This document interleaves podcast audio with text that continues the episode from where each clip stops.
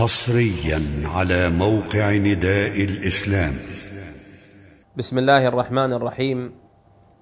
الحمد لله رب العالمين وصلى الله وسلم على عبده ورسوله نبينا محمد سيد الأولين والآخرين والمبعوث رحمة للعالمين وعلى آله وأصحابه ومن سار على نهجهم واقتفى أثرهم إلى يوم الدين وسلم تسليما كثيرا.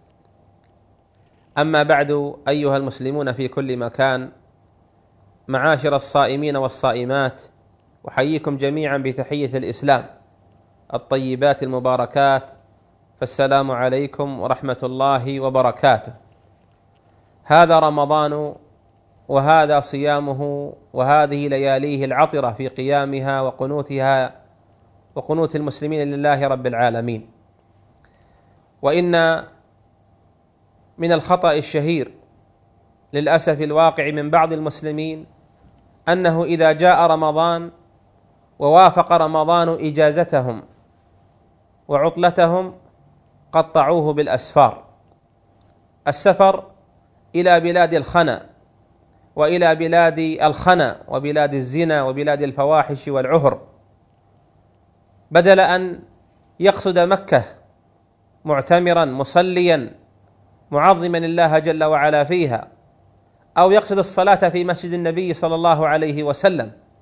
إذ الرحال لا تشد في لا بقاع سوى البقاع الثلاثة كما جاء في الصحيحين من حديث أبي هريرة رضي الله عنه أن النبي صلى الله عليه وسلم قال لا تشد الرحال إلا إلى ثلاثة مساجد المسجد الحرام ومسجدي هذا ومسجدي والمسجد الأقصى.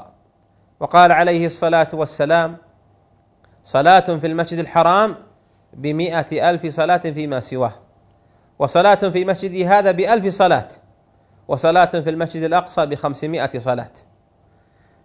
ذكروا أن أحد الفساق لما قيل له هذا رمضان قد جاء قال سنقطعه إذا بالأسفار.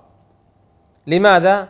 لأن الله رخص لنا وأباح لنا الفطر في السفر في رمضان لمن كان صائما صيام الفريضة. وقال النبي عليه الصلاة والسلام ليس من البر الصيام في السفر.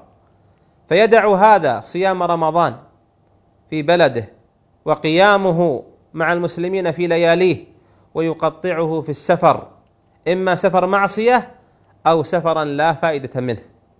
فتمضي عليه هذه المواسم الخيرة وهذه الليالي المباركة الطيبة وهو قطعها في سفر إلى معصية الله أو إلى أمر لا يفيد. نعم من سافر سفرا محتاجا إليه كطلب علم أو علاج أو تجارة أو غيرها مما يحتاج إليه الإنسان فهذا سفر مباح. ولكن أهل رمضان إذا جاء رمضان عطفوا قلوبهم عليه ولم ينشغلوا إلا به. فلم يسافروا إلا لما لا بد لهم منه من السفر. حتى إن الصالحين وأهل الصلاح من التجار وغيرهم يؤخرون تجارتهم وسفرهم لها إلى ما بعد رمضان لئلا تفوتهم هذه الآس... هذه الأيام والليالي والأوقات الطيبة المباركة. فكيف بمن جعل سفره سفر معصية؟ يسافر ليزني. يسافر ليعصي ربه جل وعلا. يسافر ليشرب الخمر. يسافر ليؤذي الناس في أعراضهم. ويرتكب ما لا يرضاه عنه الله ولا رسوله صلى الله عليه وسلم. إن هذا خطأ. بدأ يفشو ويشتهر لما صار رمضان يوافق الإجازات. فيسافرون إلى بلاد الكفار وبلاد الخنا وبلاد العهر. يعصون الله جل وعلا فيها ويتركون صيام رمضان. والناس في مساجدهم ومحاربهم يبتهلون إلى الله جل وعلا ويسألونه ويرجونه. نعم يا أيها الإخوة هذا الأمر يقع ولا بد من الانتباه والتواصي إليه والتواصي به. أما السفر إلى مكة والمدينة فهو سفر طاعة لأنك عظمت الله جل وعلا بالصلاة في مسجده المسجد الحرام أو الصلاة في مسجد رسوله صلى الله عليه وسلم. أو عظمته بالطواف والعمرة لمن أدى العمرة في رمضان وعمرة في رمضان كحجة مع النبي صلى الله عليه وسلم. هذا في فضلها وأجرها ونوالها عند الله عز وجل. وأشد من ذلك وأشد خطأ من ذلك إذا ترك الإمام مسجده فذهب وسافر إلى بلاد الخنا وبلاد العهر وبلاد الفساد. فترك الواجب الذي عليه في صلاته وأذانه بالمسجد الذي يأخذ عليه راتبا ومكافأة. وترك أيضا الزمان الفاضل وسافر إلى معصية من معاصي الله. بل إن الإمام لو ترك جماعته وسافر للعمرة من غير أن يستأذن في هذا الفعل أو يقيم مقامه من هو مثله أو خير منه يكون عاصيا مقصرا في أداء الأمانة. عاصيا لله جل وعلا لأنه قصر في أداء الأمانة التي اؤتمن عليها. ألا فلينتبه لهذا المسلمون وليستثمروا أعمارهم وأوقاتهم. فإن رمضان شهر فاضل وهو سريع في زواله وانقضائه فلا تمضي رمضان عليك وأنت تعصي ربك جل وعلا. في سفر إلى بلاد الخنا إلى بلاد العهر والزنا إلى شرب الخمور إلى النظر إلى المحرمات.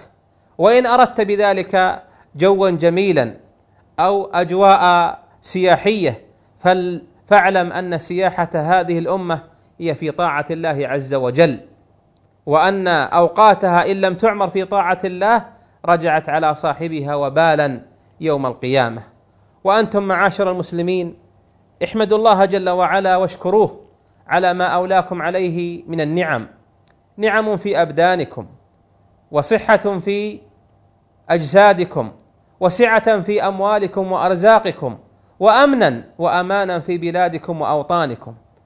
لا تبدلوا نعمة الله عليكم كفرا وأمنه عليكم خوفا فإن ذلك مما يعاجل به الإنسان عقوبة ربه عليه إذا خلقه الله فعبد غيره ورزقه الله وأنعم عليه وشكر بذلك غيره أو جعل نعم الله عليه في معصيته وفيما لا يفيده في دنياه وفي وفي آخرته. إن الكيس من دان نفسه وحاسبها وعامل لما بعد الموت. أما العاجز فهو من أتبع نفسه هواها وأمانيها ثم تمنى على الله الأماني. نقول ذلك لأننا نلاحظ من أحبابنا وأقاربنا ومن المسلمين من إذا جاء رمضان فوافق إجازته قضاها في السفر إلى بلاد ليست بلاد طيبة وسفرا ليس سفرا طيبا وإنما يمضيه في معصية الله فيفرط على نفسه تفريطا عظيما وعباد الله الصالحون يقنتون لله جل وعلا في مساجدهم ويقرون في بلادهم في طاعة الله وفي صلاة وصيام وقراءة القرآن. والمحروم على كل حال من حرمه الله كما أن الموفق من سار إلى طاعة الله بتوفيق وهداية من الله عز وجل.